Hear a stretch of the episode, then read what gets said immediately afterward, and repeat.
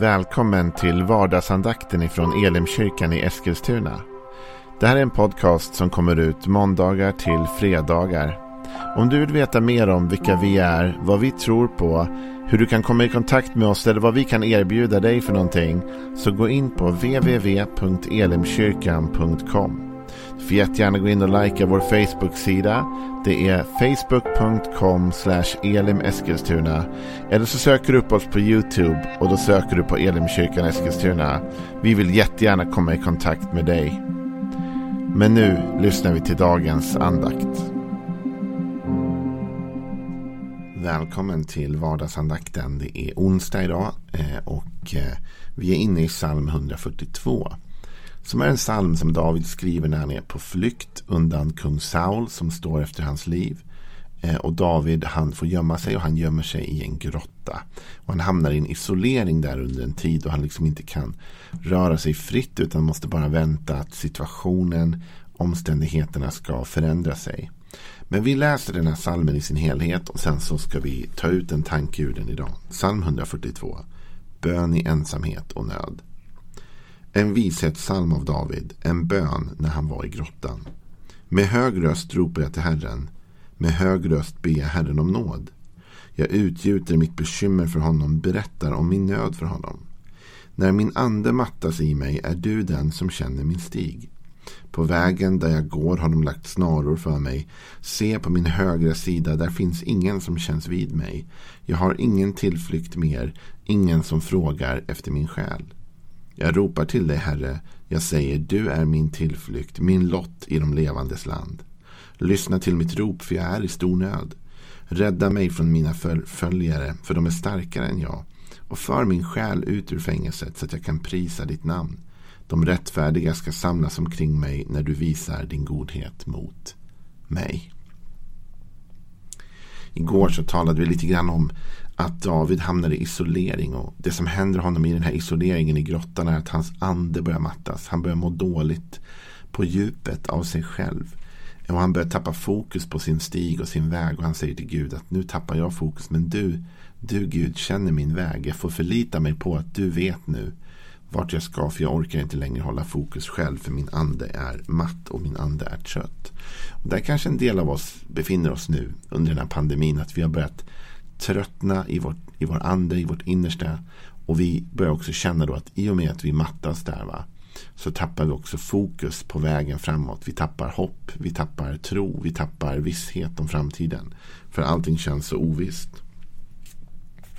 Men då får vi förlita oss till att Gud känner vår väg. Och sen så säger då David någonting ganska hemskt. Men som är viktigt för oss att förstå om livets väg. Han säger så här. På vägen där jag går har de lagt snaror för mig. Vad hemskt. Han säger det finns snaror utlagda för mig, faror. Och dessutom så antyder han att också han är övergiven. För han säger sen, se på min högra sida, där finns ingen som känns vid mig. Jag har ingen tillflykt mer, ingen som frågar efter min själ. Så David känner att han är isolerad i grottan. Han känner att han har ingen som ställer upp för honom. Ingen på hans högra sida som kan hjälpa honom. Och höger sida, det var ju kraftens sida. Så att han menar ju med andra ord också, det finns ingen som kan träda upp till min hjälp. Va? Det finns ingen som har kraft att befria mig, att hjälpa mig i den här situationen. Um, och han säger också, det finns ingen som heller jag kan rymma till och det finns ingen som frågar efter min själ. Det är ett oerhört sorgligt uttalande egentligen. Det finns ingen som frågar efter min själ. Alltså inte bara frågar efter vad jag är fysiskt. Va? Inte bara frågar var är David. Utan frågar hur mår David? Hur, hur mår du i din själ? Hur mår du inombords? Och David känner sig övergiven. Han känner sig kraftlös. Han känner att han har inte heller stöd av några människor. Han har ingenstans att fly. Han har ingen som bryr sig. Och dessutom säger han den här versen vi började med. Att de har lagt på vägen där jag går har de lagt snaror för mig. Lagt snaror för mig. Vet du att livets väg är full av snaror? Livets väg är full av snaror utlagda. Och vet du, vi skulle ju vilja önska och tro att alla de snaror som är utlagda var bara av, av djävulen lagda så att säga, av, av ondskan. Men här talar han om att, Att det är människor som har lagt ut snaror på hans väg. På den väg där jag går har de lagt snaror för mig. Han talar om att det här är ju människor som står efter hans liv. Och visst, såklart alltid när människor ger sig hän åt att få andra människor att falla och, och, och, misslyckas så går man ju på något sätt en ondes ärende. Det är ju givet. Va? Man, man står inte i ljusets tjänst. För, för Gud upprättar människor men djävulen han vill ju fälla människor. Han vill sänka människor. Va? Så det är klart att på något sätt går de den ondes väg. Men ändå är det människor som försöker få David på fall. Det är ju en människa, kung Saul, som jagar efter David för att faktiskt avsluta hans liv. Jag tänker mig så här. Det finns ett par saker att säga om detta med att livets väg är full av snaror. Om vi börjar med det första som vi skulle kunna säga om, om det så kan vi säga så här. Att livet är fullt av snaror det innebär till exempel att ibland när vi faller så är det inte alltid vårt eget fel. Ofta vill vi ju tänka så att när vi faller, när vi misslyckas, när allting går snett så är det för att vi har gjort ett misstag. Va? För att vi inte har gjort rätt. Men om det är en snara lagd så är någon annan egentligen orsak till mitt fall. Visst, jag kunde kanske tittat noggrannare vart jag gick eller så, men snaran kanske var dold och jag blev lurad i god tro eller någonting hände. Det är en svår tanke att smälta, men i den här världen finns det människor som inte vill dig väl. Du kanske tror att de är dina vänner, du kanske tror att de har ditt bästa för ögonen. Men egentligen har de lagt ut snaror på din väg. De har försvårat din väg på olika sätt. Och när du faller, om du faller, så kanske det inte ens är ditt fel. Och du kanske behöver sluta vara så hård mot dig själv. Du kanske sitter och tänker på ditt liv nu och tänker på situationer i ditt liv då du gjorde misstag och då du föll. Men du kanske räknar bort ur den ekvationen att det fanns någon som ville att du skulle falla. Och det innebär inte att inte du och jag har ansvar ibland i vårt fall. Men det innebär att vi inte är ensamma i det ansvaret. Vi kan ha blivit lurade, vi kan ha blivit manipulerade, vi kan ha blivit förda i god tro någonstans men någon hade lagt en snara på vår väg och vi föll. Och Gud ser detta. Jag tror att det är därför Gud också i vissa lägen är mycket mer barmhärtig mot oss än vad vi själva förstår. Därför att Gud vet att någon har lagt ut snaror på din och min stig. Gud vet att det finns någon som vill få oss på fall hela tiden. Och att vi är ensamma i den vandringen. Tänk dig in i Davids situation hur han känner. Och vi vet inte om det här stämmer 100% med verkligheten. Men det David skriver var ju vad han upplevde.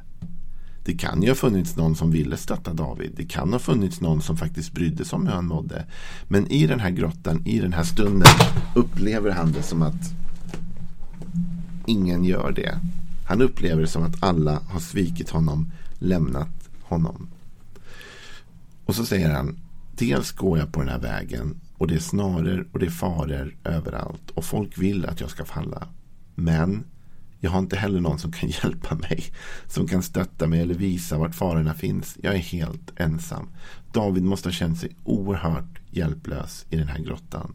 Och det är inte konstigt att hans bön har utvecklats till ett stort rop. Så han ropar till Gud.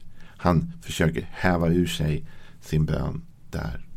Men det finns snarare på din och min väg. Och vi måste vara uppmärksamma på det.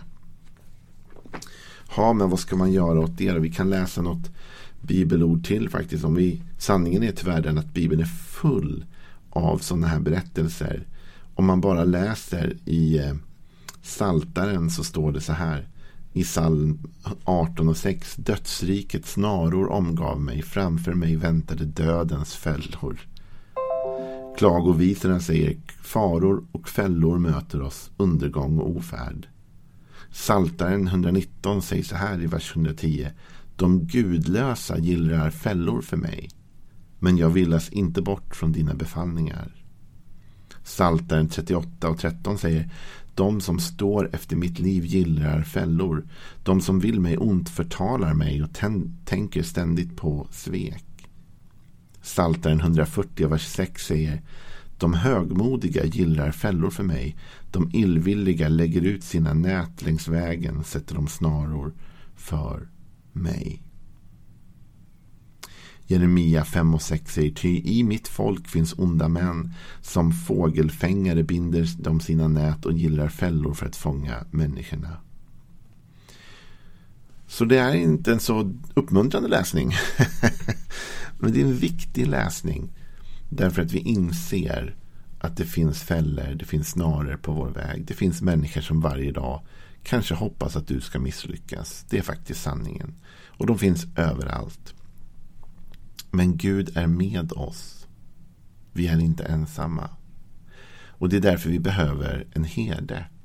För människor sviker oss. Och vi kan komma till den situationen där David var att han kände att han hade ingen människa som stod upp för honom. Han kände att han hade ingen som kunde hjälpa honom. Han hade ingen som fanns där för honom. Men han var ändå inte ensam. Han hade en herde. Gud var hans herde. Det är därför vi behöver denna herden. Vi behöver någon som kan visa oss och varna oss och leda oss och säga Joel se upp här, det ligger snarare här, det är fällor här, det finns problem där borta. I en av profeterna så säger Gud att inget vapen som smids mot er ska ha framgång. Men vapen smids mot oss. Det är ena sanningen av den versen. Vapen smids, fällor gillras, snaror läggs ut. Men de behöver inte ha framgång. Därför Gud har makt och kraft att bevara oss och leda våra steg. Men när vi inser att det finns snaror på vår väg, när vi inser att det finns faror, då inser vi också behovet, det stora djupa behovet av att varje dag lyssna in Guds röst och försöka vara ledd av den helige Ande. Att lyssna till goda råd. Att lyssna till andra kristna som vi har förtroende för och som vi litar på, som kan guida våra steg, som kanske har vandrat vägen före oss. Men att inse att det finns faror varje dag så jag måste vara lite alert. Men också att vila i tryggheten av att vi har en herde som leder oss. Och att det finns människor, inte människor, men det finns änglar till vår hjälp. Alltså människor kanske sviker oss, men det finns änglar till vår hjälp. Vet du att i, i Saltaren 91 som vi har gått igenom ganska ingående får man väl säga på den här vardagsandakten så står det ju så här i vers 9. Du har sagt att Herren är ditt skydd. Du har gjort den högste till ditt värn eller till din tillflykt. Inget ont ska drabba dig, ingen plåga närma sig din hydda. För han ska befalla sina änglar att bevara dig på alla dina vägar. De ska bära dig på, sin, på sina händer så att du inte stöter din fot mot någon sten. Du ska gå fram över lejon och huggormar, trampa på unga lejon och drakar. Har du tänkt på den här texten? Vilken fantastisk text. Gud ska befalla sina änglar att bevara dig på alla dina vägar. Så även om det finns snaror på dina vägar så kommer Gud bevara dig. Han har befallt sina änglar att vara med dig varje dag och vara ett skydd för dig varje dag. Likaså har han befallt dem att skydda dig så att du inte stöter din fot mot någon sten. Eller kanske vi skulle säga fastnar i någon snara eller faller i någon grop. Gud har dig i sin hand. Så man kan tänka så här, Joel Backman, vad ville du säga med den här vardagsandakten idag? Vad var det du ville få ge ut till människor egentligen idag? Jo, jag ville ge ut följande. Jag vet att det finns faror på din väg. Jag vet att det finns snaror. Jag vet att det till och med finns människor som vill fälla dig och fälla mig. Det finns människor som alltid tycker det, att de vill att vi ska trampa snett, falla i gropen, göra bort oss, misslyckas.